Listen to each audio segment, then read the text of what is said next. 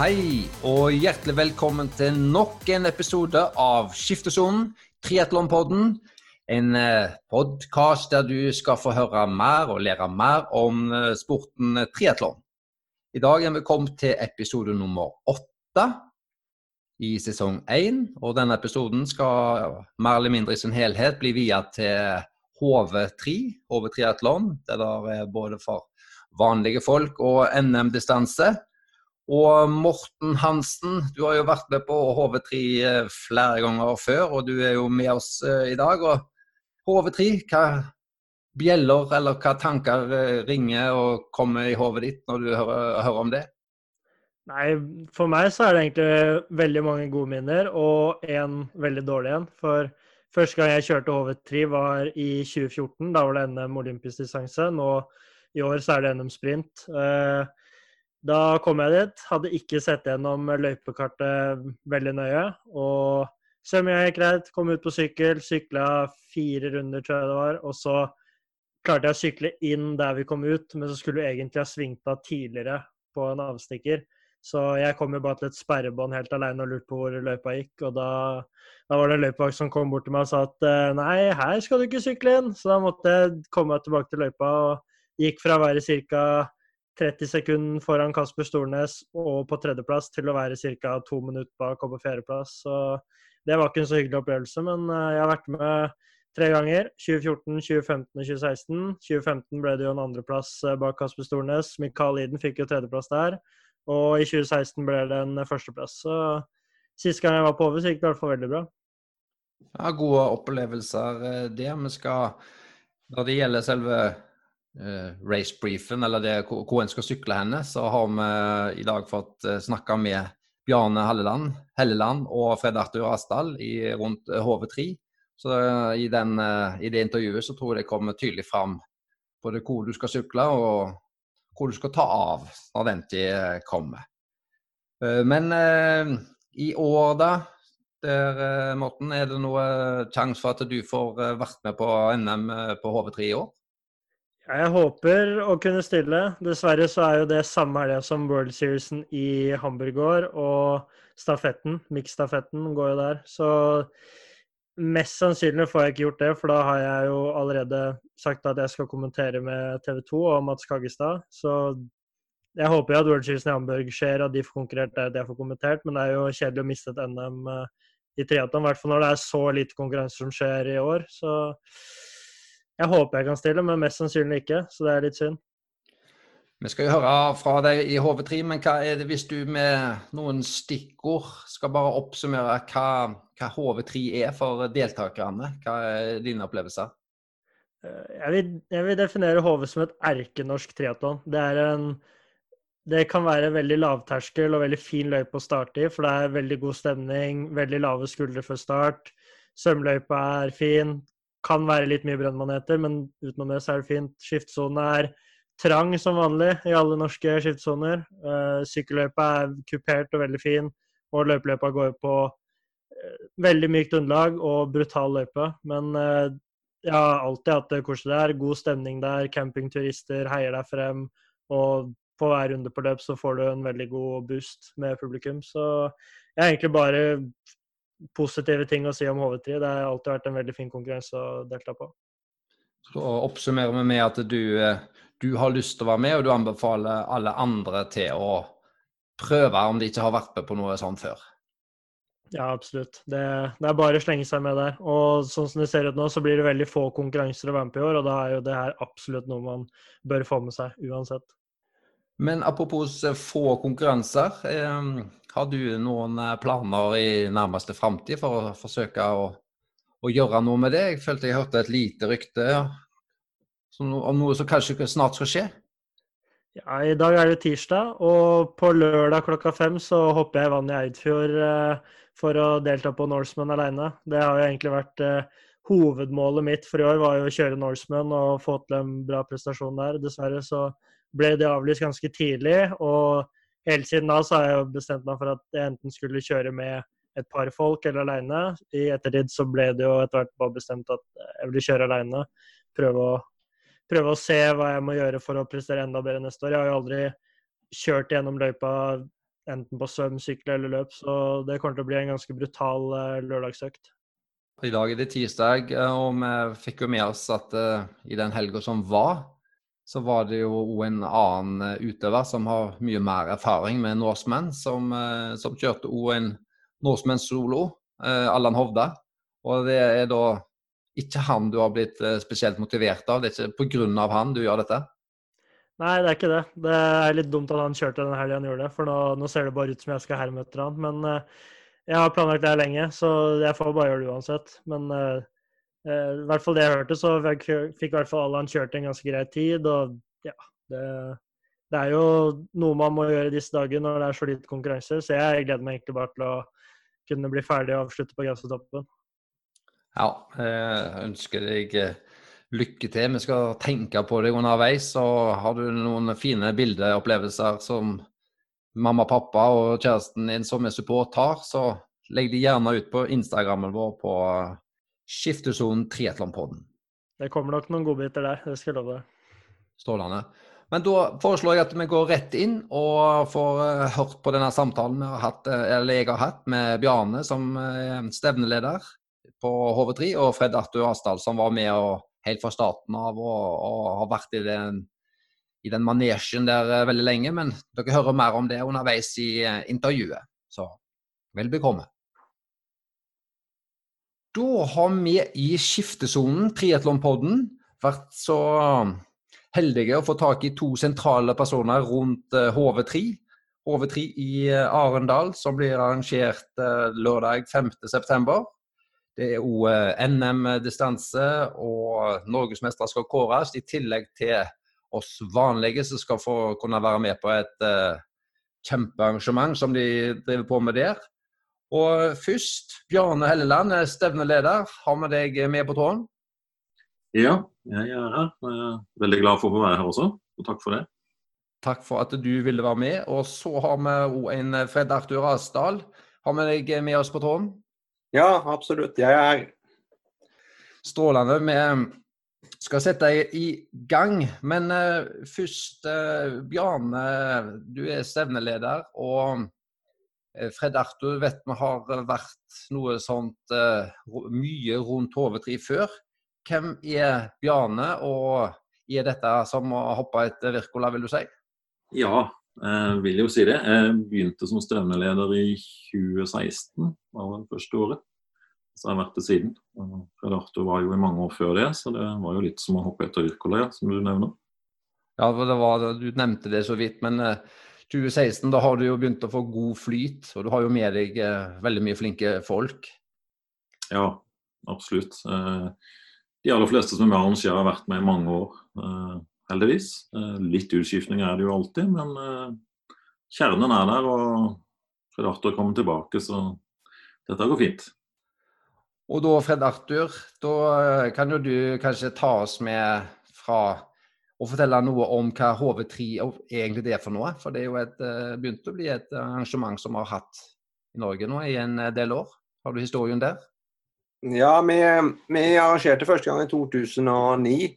Så vi har jo passert eh, tiårsjubileet. og dermed, så blir vi en av de mest eh, si, erfarne eh, arrangementene. da. Vi har eh, holdt på lenge, og eh, i all hovedsak så har vi jo retta oss mot, mot mosjonistene. Eh, hatt en kortløype og en eh, langløype. Det har vi hatt eh, helt siden eh, begynnelsen av.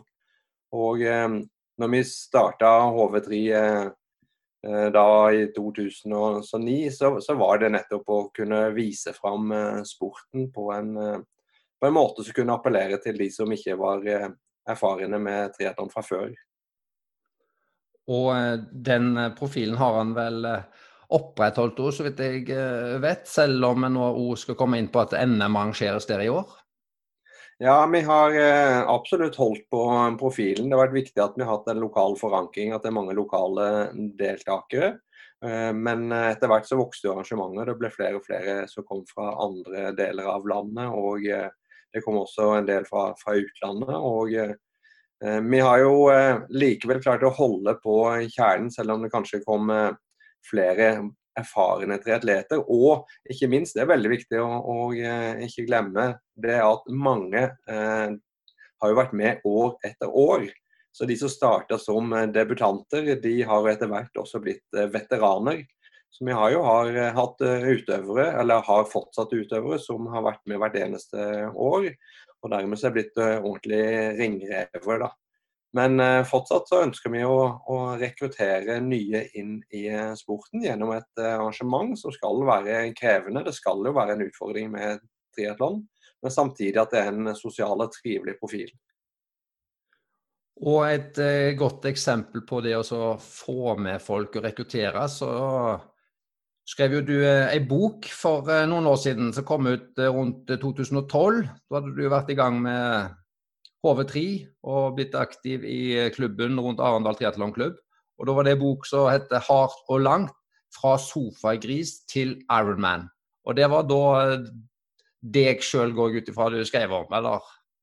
Ja, det var en veldig sånn eh, selvbasert, eh, nesten sånn selvbiografisk bok, ja.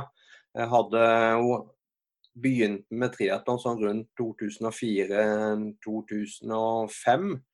Og eh, da starta jo det ut ifra en eh, kikk på noen feriebilder som jeg ikke helt kjente meg igjen i. da. Eh, og eh, tenkte at oi, her har det skjedd noe, da. Det som var eh, på vekta eh, var et tiendedels tonn. Det var ikke nødvendigvis kompakt muskelmasse. Så eh, da var det å ta rev i eh, seila, begynne å pakke bort eh, potetgull og melkesjokolade og begynne å bevege seg. Og da begynte jeg jo med løping, for det var det jeg kunne fra ungdommen av. Men det gikk jo ikke spesielt fort, og endte jo med at jeg ble skada. Og i det så forsøkte jeg å hente ned sykkelen fra garasjen hjemme hos mine foreldre og prøvde meg på den. Og eh, satte da i gang å trene litt variert, da. Men alt handler egentlig bare om å nær sagt prøve å se, se bra ut naken, da. Eh, og så var det en kamerat som sier eh, en dag jeg har ikke lyst til å bli med på en eh, triatlon. Eh, jo, det har jeg veldig lyst til å bli med, sa jeg. Hva er det for noe? Eh, nei, det var noe man skal svømme, sykle og løpe. Ja, men det hørtes ut til å være en bra utfordring. Er det neste sommer i det kanskje at vi har et år eller noe sånt å, å planlegge? For jeg kan jo ikke svømme. Eh, nei, det er neste helg. Eh, og det var eh, inne på en triatlon som dessverre ikke finnes lenger, Åge triatlon. Og det gikk jo ordentlig dårlig. Svømte langt bak i feltet og markerte meg også bunnen av resultatlista. Men jeg syntes det var veldig gøy. Jeg synes det var kjempegøy. Og den variasjonen og det å trene variert, det å svømme, sykle og løpe også i i, i hverdagen, det, det, ga veldig min inspirasjon. Da. Og så var jeg mm, heldig å treffe på noen som bodde i eh, Arendal, som var tilflytter, jobba på sykehuset, og som hadde erfaring med triatlon. Og eh, da ble vi etter hvert eh, revet med. Og han ene som jeg snakka med da, Rune Skinnelien, han har jo da seinere nå vært ti ganger på Ironman Hawaii. Så han er jo ekstremt erfaren. Og begynte å plante da en tanke i hodet hos meg da, om at kanskje du også skal fullføre en Ironman. Eh, men den slår fra meg med en gang, for det var noe av det dummeste jeg har hørt. Eh, når han fortalte hva en Ironman-konkurranse var. da. Eh, det var altfor langt og altfor hardt. Jeg skulle jo bare bli litt slankere, det var mitt mål. Men så var det sånn at uh, den tanken er modna litt i bakhodet, da. Og så etter hvert så så tenkte jeg søren heller, vi kan prøve, da. Og så gikk det vel et år, halvannet, og så eh, debuterte jeg på Ironman-distansen. Og Det var ikke så viktig for meg kanskje at jeg fullførte Ironman-distansen. Det var jo veldig viktig der og da, det var en ekstrem sånn, mestringsfølelse. Men jeg tenkte den reisa der, den er spennende for flere. Men vi må ikke gå sånn at triatlon skal bare handle om at det skal være så hardt og langt som Ironman-distansen. Det finnes veldig mange graderinger mellom. da. Og da, da, begynte vi å tenke på det med å, å starte HV3 som et slags lavterskelarrangement. da. Eh, og satsa da på i utgangspunktet kort og altså sprint og olympisk. Men så tenkte vi skulle være litt pedagogiske, for det vi hørte alle si, det var jo det hadde ikke vært for den svømminga, da. Så da på sprinten så reduserte vi eh, svømminga fra 750 meter til 500 meter. Og det har vi holdt på eh, fortsatt. Det er en litt sånn gjøkunge, den sprintdistansen. Men det har vist seg å være eh, veldig ålreit for mange, fordi de går fortsatt rundt og, og gruer seg for svømming. da. Og mange lurer på om de hele tatt kommer til å overleve eh, den 500-meteren. Og det, det, er, det, er lett for oss som har eh, vært med på Ironman å le av eh, det, men det er alvorlig nok for eh, de det gjelder. Og det ser vi på HV hvert eneste år det er jo noen av de som jubler jo mer når de kommer opp av vannet, enn når de krysser målstreken. Eh, men uansett da, så er det liksom det å se folk, da, enten det er en gammel mann eller en stor dame eller en, en ungdom som gjennomfører kort løype på hodet for aller første gang, det er noe som får hjertet mitt til å hoppe skikkelig i brystkassa. Altså, for det, da tenker jeg, da har vi utgjort en forskjell i det menneskets liv. Eh, Bjarne, føler for at du var inne på noe, noe distanser sånn helt raskt, hva som en ønskte å ha på HV3. Men hva er, hva er tilbudene fra HV3 nå eh, i år, som går 5.9. lørdag? Ja, det er som Arthur sier, at vi har uh, først fra morgenen av Vi begynner uh, første start klokken halv ni for øvrig. Det er lang løype. Det er den som vi har hatt eh, i alle år, sammen med den korte. Eh, så starter vi, Den er ikke tidsplanen helt uh, spikra ennå. Men vi starter nok kort løype rundt halv ett, tenker jeg. Vi har måttet strekke arrangementet litt i år pga. covid-19. Slik at vi får tømt uh, skiftesone og arena for lang løype før vi kjører en kort løype. Deretter så og, ja, nå kan jeg gå gjennom den lange løypa. Den er vel svømminga på en 1600 meter, så der tar vi igjen for den korte på sprinten. Og så er det sykling på 42 km, er det vel? Sånn røftlig. Og så er det 10 km løping til slutt. På kortløype så er det jo 500 meter svømming, som Fred Arthur sa. Og så er det vel 21 km sykling og 5 km løping. Ja. Etter det så kommer NM. Da har vi NM Elite, NM eh, Sprint, altså sprint Elite, ja, og NM Sprint Junior. Og NM Age Group, som vi da kjører tett på hverandre. Og som om ikke det var nok, så har vi jo på slutten der så har vi supersprint. Og Der har vi også blitt tildelt ungdomsmesterskapet, så vi har både NM og UM i år på HV. Du bare rent praktisk, eh, de NM-distansen der på elite og age group, eh, du sier de kjører tett på hverandre, men det vil si at de starter da ikke samtidig? Nei, vi kjører vel de med fem minutters intervaller, tenker jeg. Det er ting vi skal diskutere nærmere med TD, men eh, det er vel det vi tror det blir. Ja, og, og når eh, eh antar en de går ut, er det sånn at de i kortløype er godt i gang med dagen da? Altså kortløype for mosjonister? Ja, for mosjonistene, ja. Ja, de starter jo halv ett. Eh, NM tenker vi å starte halv tre. Så ja. det er vel noen ute og løper i løpeløypa, for å si det sånn. Men det har jo ikke noe å si så lenge de andre begynner på svømming og sykling. Og det ungdomsmesterskapet med, med NM på supersprint, hva er aldersgruppa uh, der som er aktuelle? Det er fra 13 til 16. Og der er det bare da eh, Jeg bare tenker, er, det noen som defineres som elite der, eller er det alle som vil være med, som er, med på UM? Eller er det, defineres de som noe etter alder eller noe elitenivå der? Nei, ikke elitenivå, men det er jo delt inn etter alder. Du har det som heter eh, rekrutt, som er 13 og 14 år for gutter og jenter. Og så er det det som heter ungdom. Må holde tunga rett i munnen her, men det skal være riktig. eh, som er 15- og 16-åringene. Eh, men de starter samtidig. De svømmer eh, for øvrig 375 meter, sykler 10 km og løper 2,5 km. Ja, en eh, klassisk eh, supersprint der, altså.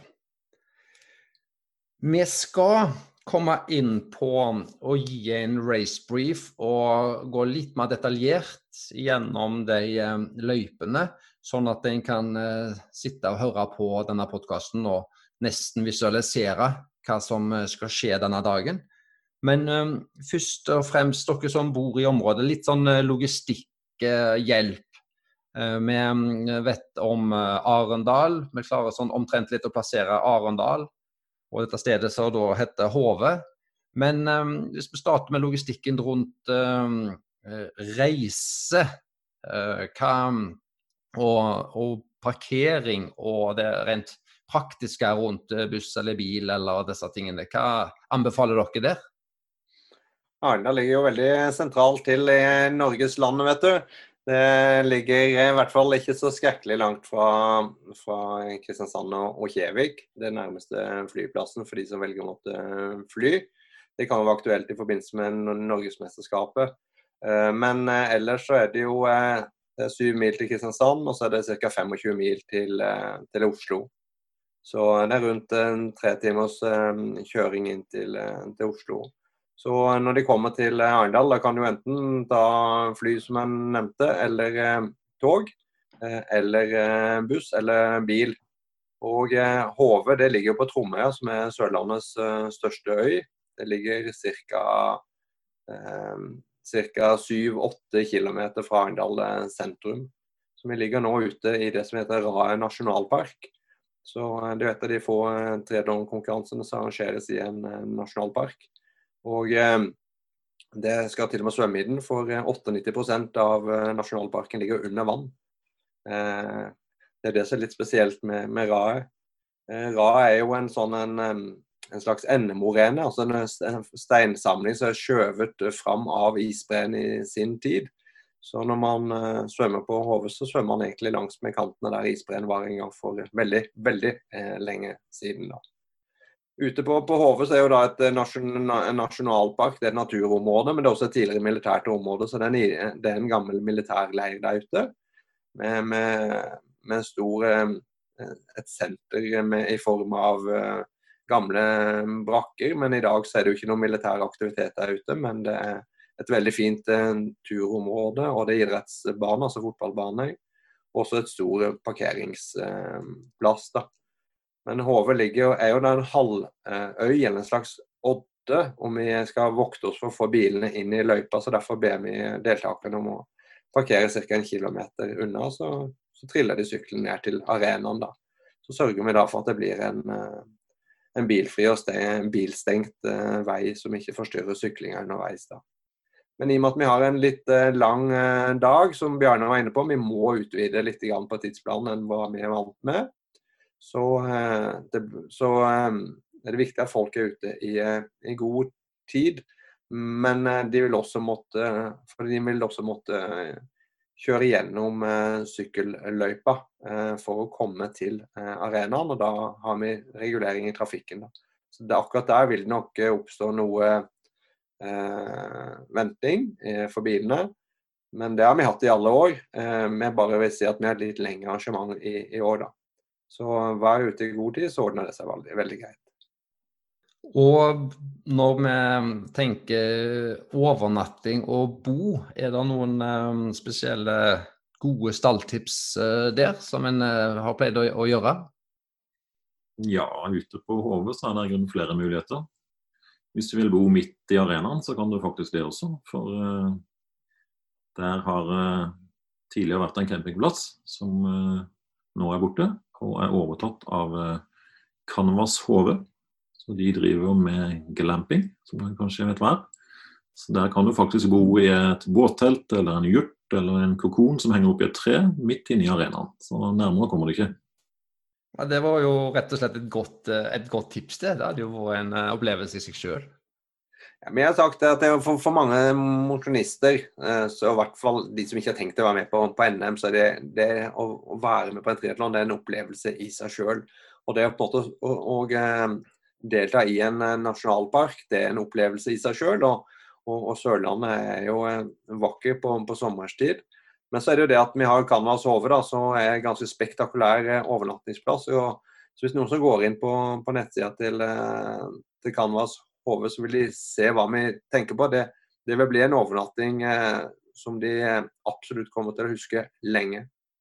Så regner jeg med at det er sånne Airbnb og sånt i området rundt der, men er det nærmest et sted for typisk eh, hotell og sånt, blir det da eh, Arendal? Men er det noen andre ting som en bør sikte seg inn på, eller kan sikte seg inn på? Det er bare et par kilometer bort til noe som heter Arendal herregård. Så der er det flotte hotellfasiliteter der med spa og og myke senger for de som ønsker eh, å ligge veldig, veldig veldig godt, enten før konkurransen eller, eh, eller etter gjennomført eh, dyst. Og så er det faktisk dukka opp nå i år, har jeg sett, en del sånne mikrohoteller på, på Tromøya.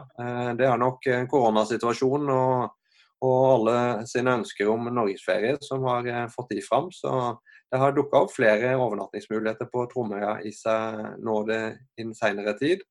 Og så er det selvfølgelig, som du er inne på, inne i Arendal sentrum. Der er det jo eh, forholdsvis god eh, eh, dekning på, på, eh, på eh, hotellsenger.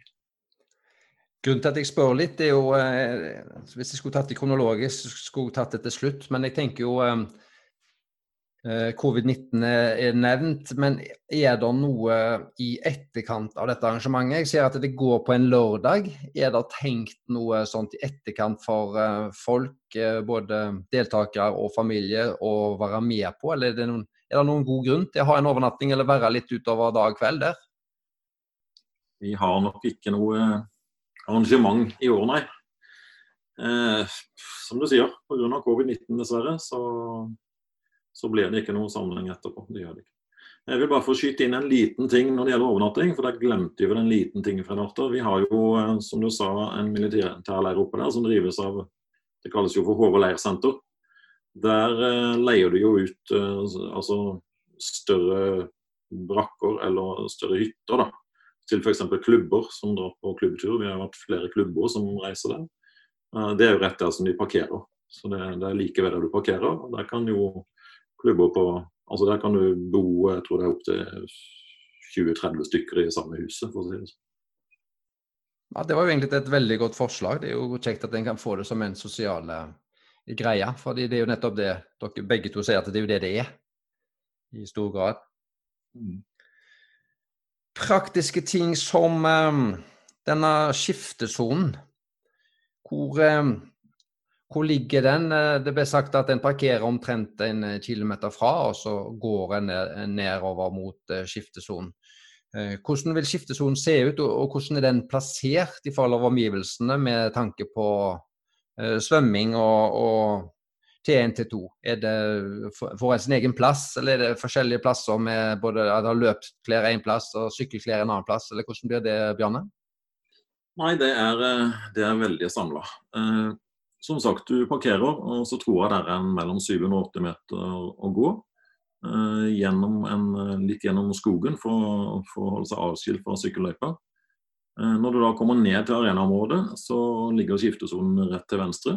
Du vil også se sekretariat og sånne ting. Eh, rett der som den veien ender nede i arena. Og da eh, ligger skiftesonen til venstre på en eh, Den er ganske romslig. Den er ja, nesten kvadratisk, for å si det sånn. Og der er det vel plass til Før koronaen, for å si det sånn, så kunne vi vel ha i hvert fall 1200 stykker inn på den skiftesona. Så nå skal alle få god plass. Vi legger vel opp til at de skal få et par kvadratmeter hver, tenker jeg. To meter mellom syklene.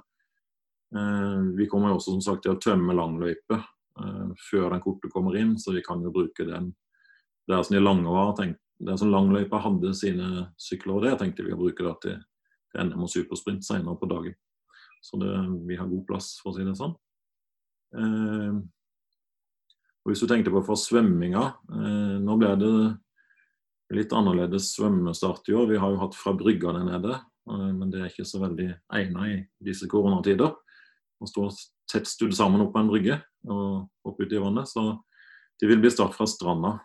Eh, rett på det som man eh, komme opp i mål før de som har vært der tidligere. Da. Så nå ble det start og mål, eller start og opp vannet på samme sted. Ellers så blir svømmeløypene tilnærmet like. Vi lager selvfølgelig en, en ny svømmeløype på den korrekte 750 meter for NM. da. Vi kan bruke vår kortløype der, det blir snart. Så der lager vi en egen en. Det blir litt forandringer på uh, årets uh, HV, men det har ikke stressa oss så veldig. Det er jo mis, Den største forandringen er at vi arrangerer i september, mens vi vanligvis har arrangert um, i, juni. Men det har vært vesentlige forandringer også med arenaen på HV opp gjennom åra. De to første åra har vi et helt annet sted på, på HV litt lenger inne på Odden. Og så flytta vi da ut eh, der hvor Bjarne beskriver nå. Men de første åra der ute så lå eh, skiftesonen i, mer som en slags tarm da, på, på en eh, vei. Men eh, for noen år tilbake så flytta vi det altså da over på en parkeringsplass som ligger tett på arena. Det er en veldig lykke for oss nå i eh, år. for den eh, Parkeringsplassen er jo da så romslig da, at vi kan få Eh, uten problemer til den avstanden mellom eh, deltakerne som eh, det kommer til å være ønskelig for å kunne ha redusert smitterisiko. Da. For det, det, er jo der Når vi gjør forandringer i år, så er det jo med tanke på, på smittevern. Vi, vi, lurte jo lenge på om det hele tatt gikk an å arrangere triatlon i 2020. Og gikk det an å arrangere på, på HV. smitten sånn i landet kunne vi ikke gjøre noen ting med, men selve arrangementet kunne vi gjøre Eh, noe med. Og eh, Da plukka vi ut eh, to sånne flaskehalser. Det ene var i skiftesonen. Der fant vi fort ut at det er ikke noe problem. Det er bare å gi litt mer plass mellom deltakerne, og det, var, det fikser vi. Og så er det jo svømmestarten, da. Der hvor man tradisjonelt har den store fellesstarten. Men da har vi jo gjort det grepet som Bjarne er inne på. Vi snur eh, eh, svømmeløypa bort fra den brygga. De svømmer motsatt eh, eh, eller ikke, De svømmer litt annerledes enn det de har gjort før, fordi at de starter der hvor de siste åra har kommet opp. da. Sånn at de eh, Da kan vi stå inne på grunna og, og spre deltakerne, ikke sånne klynger på, på brygga som vi har gjort tidligere. Så Vi ønsker jo å beholde den der ånden som har vært på, på HV på alle mulige måter også i 2020. Men det er klart, eh, sikkerheten i forhold til deltakernes helse kommer først uansett. Hva vil du si um, sånn avstand fra skiftesonen til denne svømmestart og mål det, og underlag? Er det noe å tenke på der, eller er det uproblematisk for deltakerne? Er det 300 meter, Bjarne? Ja, jeg tror vel ikke det er det engang. Nå, nå starter vi jo, og det kommer opp på samme stedet. så når de kommer opp der, så kommer de opp Der er det jo langgrunt, så der må du løpe litt i vann innover på sandbunn. Så vil det bli lagt tepper gjennom uh, furuskogen uh, der sånn. Det kan vel ikke være mer enn et par hundre meter vel, til skytesonen, tenker jeg. Og da der ligger det tepper hele veien. og det vil også, Hele skiftesona vil også bli teppebelagt i år. Faktisk i skiftesonen, eller når en kommer der, noen har tatt fly, noen kjører bil. Er det noe sånn teknisk eh, hjelp typisk til sykkel fra profesjonelle, eller det legges det opp til at en skal kunne gjøre alt sjøl? Vi kommer litt tilbake til det når vi nærmer seg eh, arrangementet. Vi skal se litt på hvordan dette med smitte og smittevern blir. Eh, hvert eneste år ellers har vi hatt en veldig god samarbeidspartner i Sykkelsport, som er byens beste sykkelforretninger. De har alltid hatt stand der ute og eh, eh, gjennomført eh, hjelp og service på sykkel, enten det er for debutantene som hvor girvaieren røyk, eller om det var et dekk som eksploderte. Så alltid de fiksa hundrevis av sånne småting. da.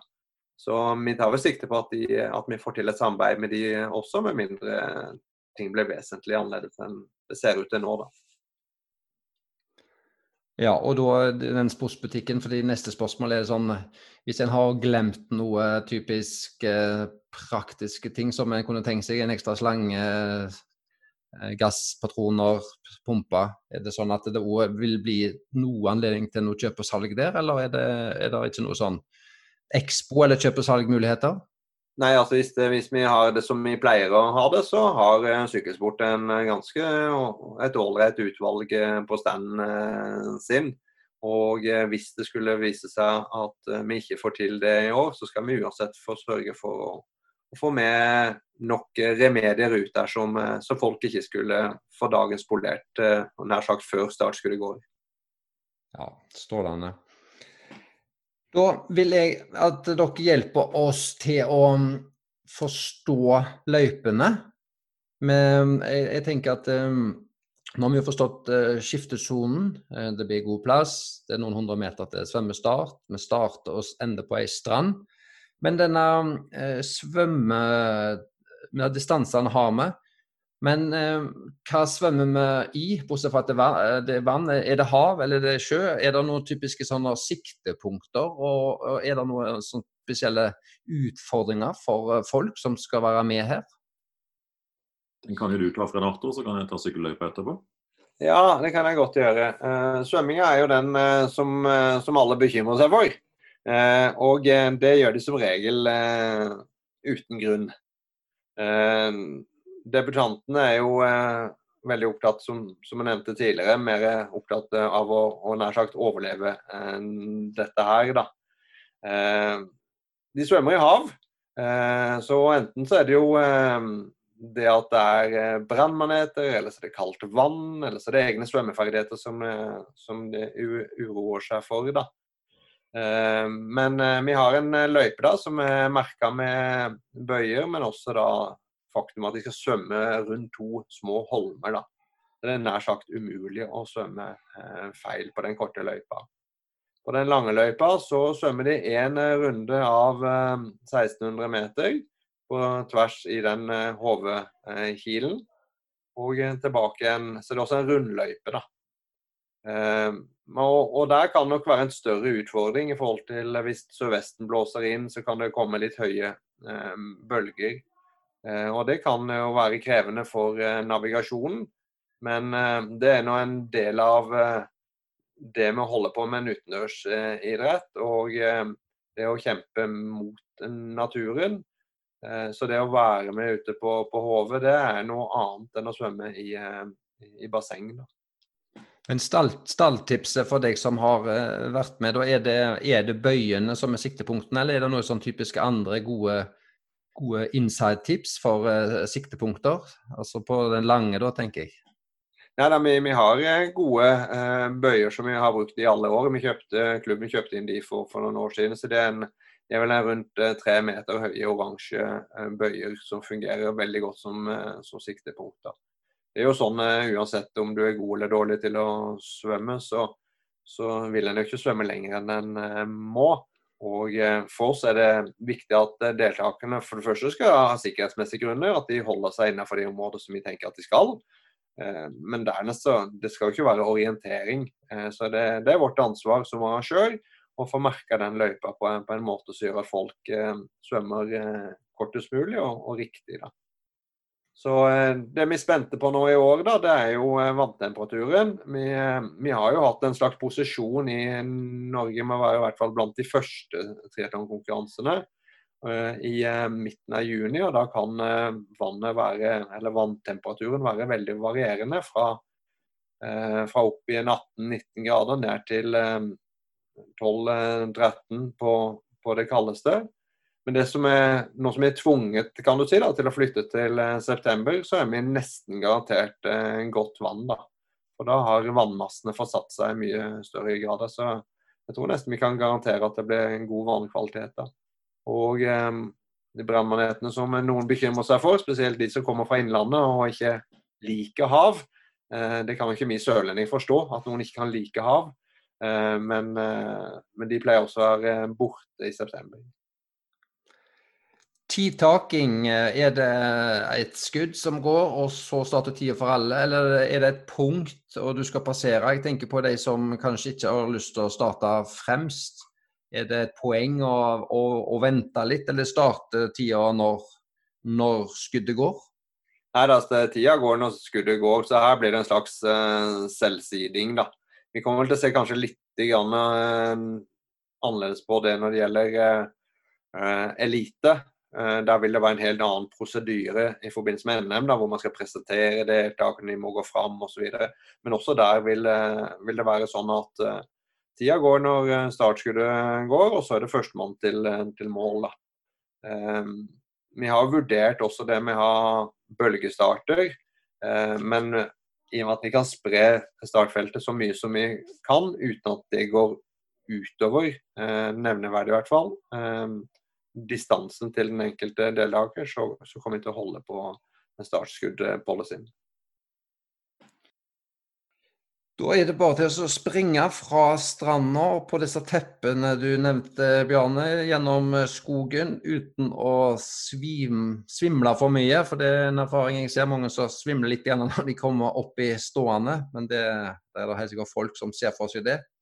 Og så kommer de inn i eh, skiftesonen og finner plassen sin og river av seg eh, drakten sin. Tar på en godkjent hjelm, som eh, de selvfølgelig må ha, og gjør klar til sykkel. Hvordan vil deres opplevelse bli på sykkelen, og hvor skal de sykle hen? Ja, som du sier, når de har fått på seg hjelmen, så hekter de sykkelen ned av stativet. Så løper de gjennom skiftesona ut i motsatt ende der de kom inn fra svøm, egentlig. Og så det er vel en 50 meter, tenker jeg, så kommer de opp på asfaltveien, og der er planka. En fysisk planke som de da skal over med begge bein før man setter seg på sykkelen. Så er jo HV kjent for en litt eh, Sykkelløypa er jo eh, litt trange veier, litt svinger, eh, småkupert. Egentlig litt sånn på en måte litt teknisk krevende. Det er mange som sier at det ikke er noen stor fordel å bruke temposykkel der, for å si det sånn. Det er mange som mener at man sykler like fort på en racer. Men det er gjort til hver enkelt å bedømme. Men i hvert fall når du har satt deg på sykkelen og passert, etter du har passert planka, så sykler du opp gjennom eh, leiren, opp til Tromme kirke. Det er liksom en tilførselsvei på 2,6 km, tror jeg det er opp der. Og da kommer du inn i rundløypa. Eh, hver runde i den løypa er vel 8,5 km, så vidt jeg husker. Så på kort løype så sykler du da to runder som er kortløype, og samme blir du da for NM-sprint. Og på langløype så sykler du da fire runder. Eh, der er det som sagt småkupert. Eh, noen steder så vil det være Den er ikke helt sperra for trafikk, for å si det sånn. Syklene sykler i høyre felt, eh, men de har det feltet der alene, uten trafikk. Det kan være trafikk i andre kjørefelt i deler av løypa. Men da er det skilta med kjegler, og det er jo selvfølgelig vaktmannskaper og, og sånn som ordner for at trafikken går i noen steder i kolonner og så videre. Så svinger man av eh, en 90 grader inn eh, over et lite sted som heter Gjerstad, eh, ute på Håvard, altså. Og så kommer man, der kommer man forbi noen små gårder og koselig og som regel masse folk som sitter ute og drikker kaffe og heier og sånn. Vi hadde en jeg vet ikke om hun var debutant, en dame som var med for et par år siden, som var med på en kort løype. Hun eh, sa det etterpå, så sa hun at det var da søren at jeg bare skulle sykle to runder, for det var så koselig ute den løypa med alle folka som heier, altså. Det, det er litt av hodet. For de som um har hørt om uh, Ironman og sånn, uh, og der har en jo ikke lov å sykle bak noen, rett bak noen. Hvordan er det her hos uh, deg, dette med å ligge på hjul og sånne ting? Er det greit? nei. Det er non-drafting, og det blir det vel sannsynligvis også på NM i år pga. korona. Så det er jo vi har jo motorsykler og dommere eh, ute i løypa som passer på at det overholdes, for å si det sånn. Så det, det er non-drafting, som sagt. Bortsett fra Ja, dette er jo ting vi skal ta med, med TD, men eh, de har vel signalisert at uh, supersprint kanskje skal gå som drafting, var det ikke så, Fredato? Kan det komme et lite innspill der? Ja, det, det, kan være fordi at det er litt grann det her med vurderingen i forhold til eh, barn, ungdom, smitte i forhold til voksne. Men det, dette er jo de tingene som vi diskuterer. Vi er jo i en spesiell situasjon i år. Det er jo tre NM som kommer um, tre helger um, på rad. Så vi snakker litt sammen med forbundet og med de andre arrangørene for at vi skal få det så likt som mulig. da. Så Vi tenker jo det at nå i løpet av de neste to-tre ukene så skal vi få landa de første felles retningslinjene. Og denne TD som du skal diskutere med, det antar jeg er en teknisk delegat fra forbundet sikkert da, i forbindelse med NM-arrangementet? Det stemmer. Det er Dag Oliver, som sikkert mange kjenner. Eh, er det noen form for drikkestasjon, matstasjon i løpet av den rundløypa di, eller eh, må de ha med seg det de trenger sjøl av ernæring? Nei, nå var vi vel på sykkelløypa, og der er det jo ikke noen drikkestasjoner, for å si det sånn. Der hadde man det du kan drikke Det har du jo med deg på sykkelen, selvfølgelig, både drikke og spise. Eh, ja, vi kommer jo tilbake til løpeløypa seinere, vel, med det med andre med drikkestasjoner. Men som sagt, i hvert fall når du har sykla dine runder der, så kommer du tilbake til Tromme kirke, og da sykler du en tilførselsvei ned igjen. Og det kan jeg godt si at Fra Trondheimkirken ned de 2,6 km der, så er det litt svingete og litt smalt og litt dårlig asfalt her og der. Så vær litt forsiktig. Vi har hatt noen som har fått litt asfalteksem og det er sånn tidligere. Ja, Det var et godt tips. Så regner jeg med at de må hoppe av før den samme planken som de eh, måtte vente til de kom bak på vei ut. Og de løper da inn på sin plass, henger opp sykkelen sin, tar av hjelmen. Og da er vi i gang med ei løpeløype. Og så lett blir det å finne fram. Er det noe spesielle hensyn å ta for deltakerne der, Feddatur? Nei, altså løpinga er først og, frem, først og, fremst helt fantastisk. Eh, det er nær sagt eh, det fineste med, med HV3. Det er den løpeløypa. Den går på en eh, Den går jo der i, eh, i vannkanten nesten, i en rundløype på 2,5 km. Veldig sånn myk eh, skogsbunn. Eh, Hove er jo det mest populære turområdet eh, i Arendalsdistriktet i det hele tatt. Det er tjokka fullt der på, på, søndager. Folk elsker å gå tur der ute. Det er gjort i, i all tid. Og det er det en god grunn til. da. Og det er jo midt i dette turområdet her hvor vi løper. Eh, og eh, det er først og fremst utrolig vakkert. Eh, og den skogsbunnen får mye av æren for akkurat det. Men den skogsbunnen er også utrolig lunefull, spesielt hvis det er regna.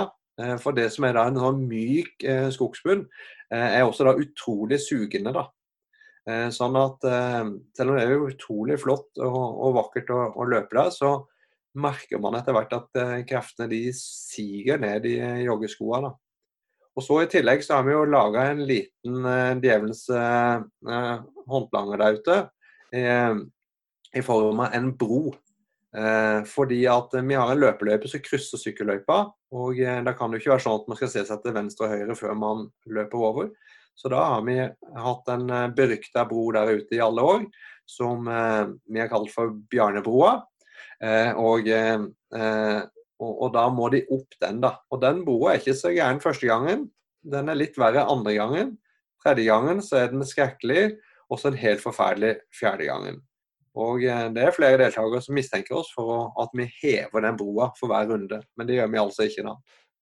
Um, så Den største utfordringen der ute den gjelder nok mest på lang løype. Det er egentlig å kunne telle til fire. Um, det er jo det å, å, å være um, og gjort seg sine forberedelser og vite at hvis man har løpet kort løype, så er det to runder. Lang løype, så så er det fire runder.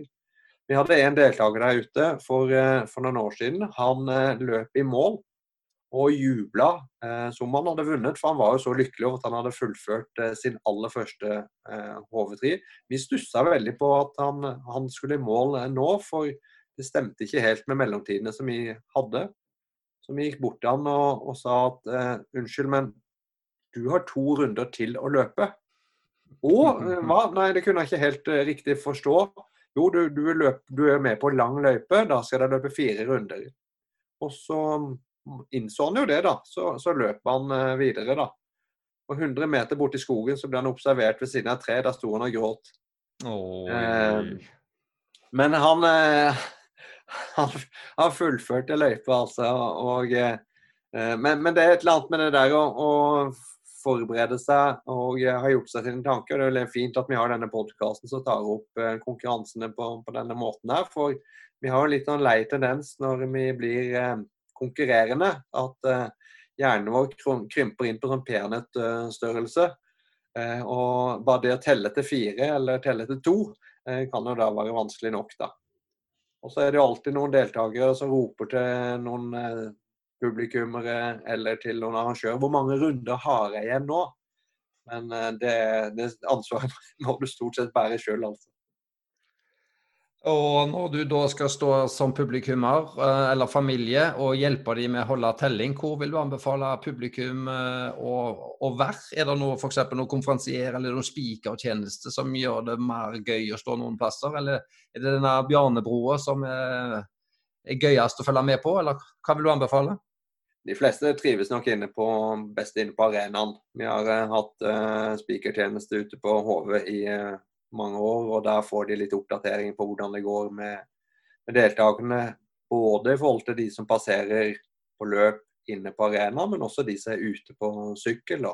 Det er en del praktisk informasjon i forhold til hvor lang tid det er til nærmeste, neste svømmestart. Og og så spiller musikk og prøver å skape en god eh, stemning, sånn som det skal være på et eh, idrettsarrangement. da.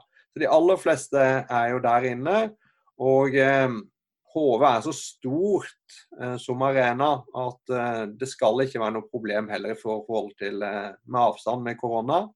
Min erfaring er jo at nordmenn er veldig flinke til dette med sosial distanse. Så lenge vi ikke tvinger det inn i type flaskehalser som type ferger og, og og, og eh, heiser. Så ute på Hove er det god plass og veldig god anledning til å ha den meters avstand som vi foretrekker når vi møter på, på mennesker vi ikke er familie med. Bjarne, da er det rett før vi går i mål. Vi har telt til to eller til fire. Vi hører spiker, vi hører musikk. Og vi kommer i mål, og da er det et par praktiske ting. Det er jeg lurer på sånn eh, type premie, premieutdeling. Eh, er det noen som får noe? Skjer det noe?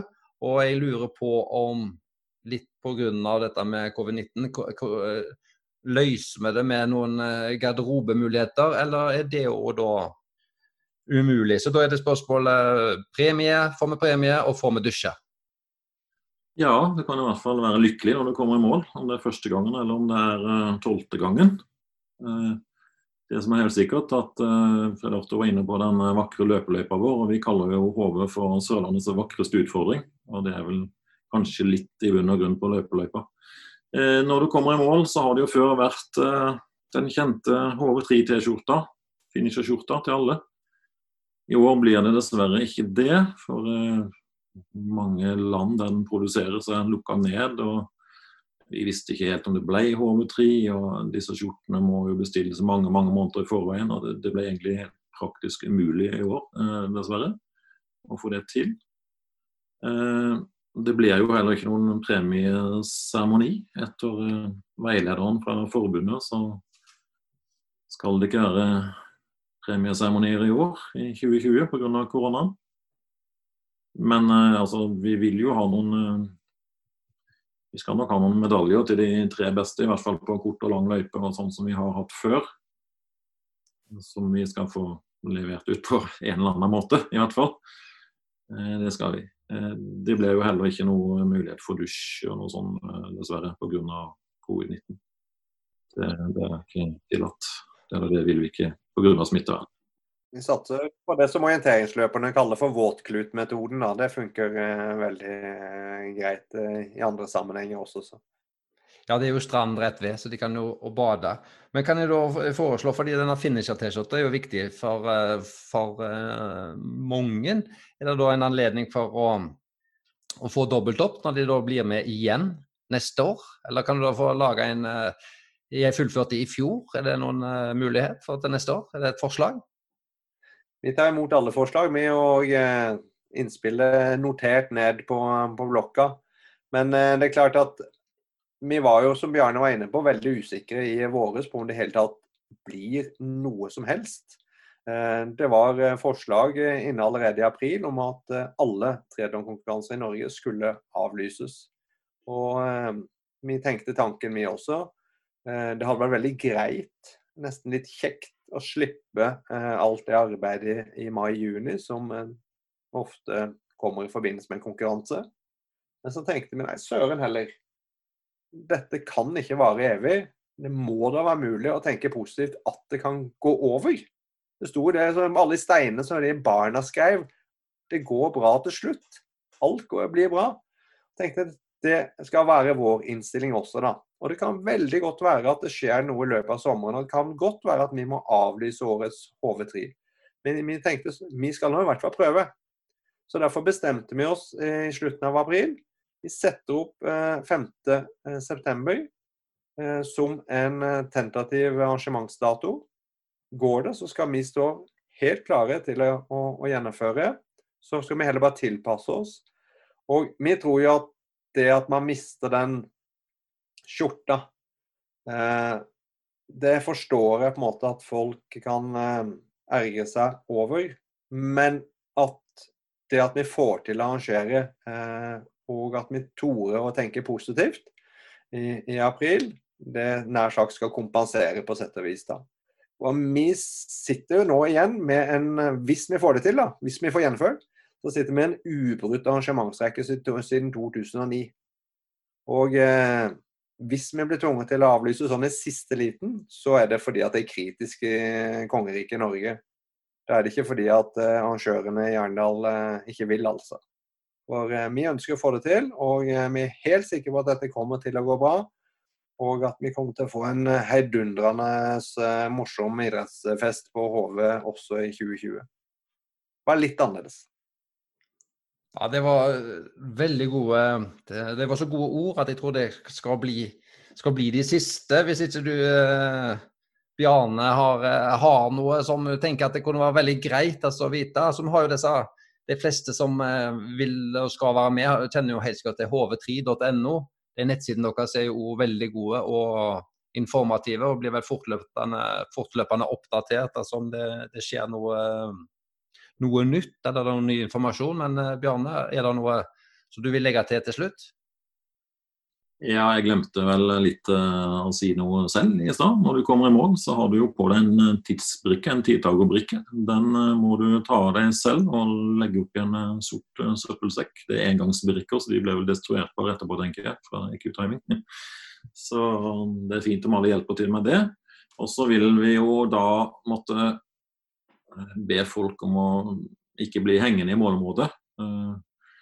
Så der vil vi ha folk som skynder på folk litt for å komme bort fra målområdet, så ikke vi får en opphopning der av slitne, svette og slimete triatleter, for å si det sånn. Det er ikke fordi vi ikke er like glad i det i år, men eh, vi må, de må trekke seg unna, å si det sånn, og det vil jeg folk til. Eh, som du sier, eh, hv3.no, eh, den blir oppdatert fortløpende. Vi har jo også en eh, Facebook-side, som det er bare å søke opp HV3 på Facebook. så skrives det flittig der, både av meg og Fred Arthur og andre. Der kommer det også mye tips. Vi sender også ut nyhetsbrev og, og mailer til det, som er veldig viktig å få med seg. Og så er vi på Instagram. Så det er muligheter for å fange opp eh, litt formell og litt uformell informasjon eh, fortløpende. Vi har latt det ligge litt eh, lavt nå i fellesferien, så kjører vi på litt mer nå fra med begynnelsen av august. Og så skal vi være gode på informasjon når det nærmer seg arrangementet. Og vi har fått de retningslinjene helt sikkert i boks. Så kan det være interessant å vite at det ble jo ikke kjørt ordinære race briefere i år. Vi kommer å kjøre de virtuelle. Rent bortsett fra, fra elite på NM og UM de kommer til å kjøre fysiske racebriefer ute på, på HV. Alle andre vil få det virtuelt. Men det tror jeg Norge er blitt vant til nå i det siste, både med videokonferanser og virtuelle løsninger, så det kommer til å gå helt fint. Noen tenker at det er sikkert like greit også. Ja, og anbefal gjerne de deltakerne deres å høre gjennom denne episoden på skiftesonen, triatlonpodden. fordi nå har dere beskrevet det aller, aller meste som jeg føler jeg ser for meg eh, heller både løypa og opplegget. Så jeg tror at eh, med å høre gjennom her, så skal du være ganske godt, uh, godt forberedt. Tror du ikke det?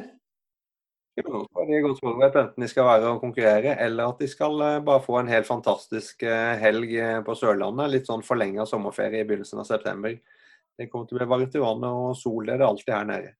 Ja, jeg vil eh, fra sidelinja, både på vegne av Skiftesonen, Triatlonpodden, og fra en haugesunder som sitter på sida her, så jeg eh, imponert over hva dere har fått til. Tolvte året på rad, som du sier, Fred Arthur. Det er i hvert fall ikke deres feil hvis det ikke blir i år. Men eh, den, den kontinuiteten og stå-på-viljen til et arrangement som snakkes om overalt. De alle har jo hørt om uh, HV3, sa du Bjørn tidligere i dag til meg. og det, det, tror jeg stemmer hvis en er ganske interessert i triatlon og i det hele tatt følger med på, på, sport og det som skjer rundt omkring.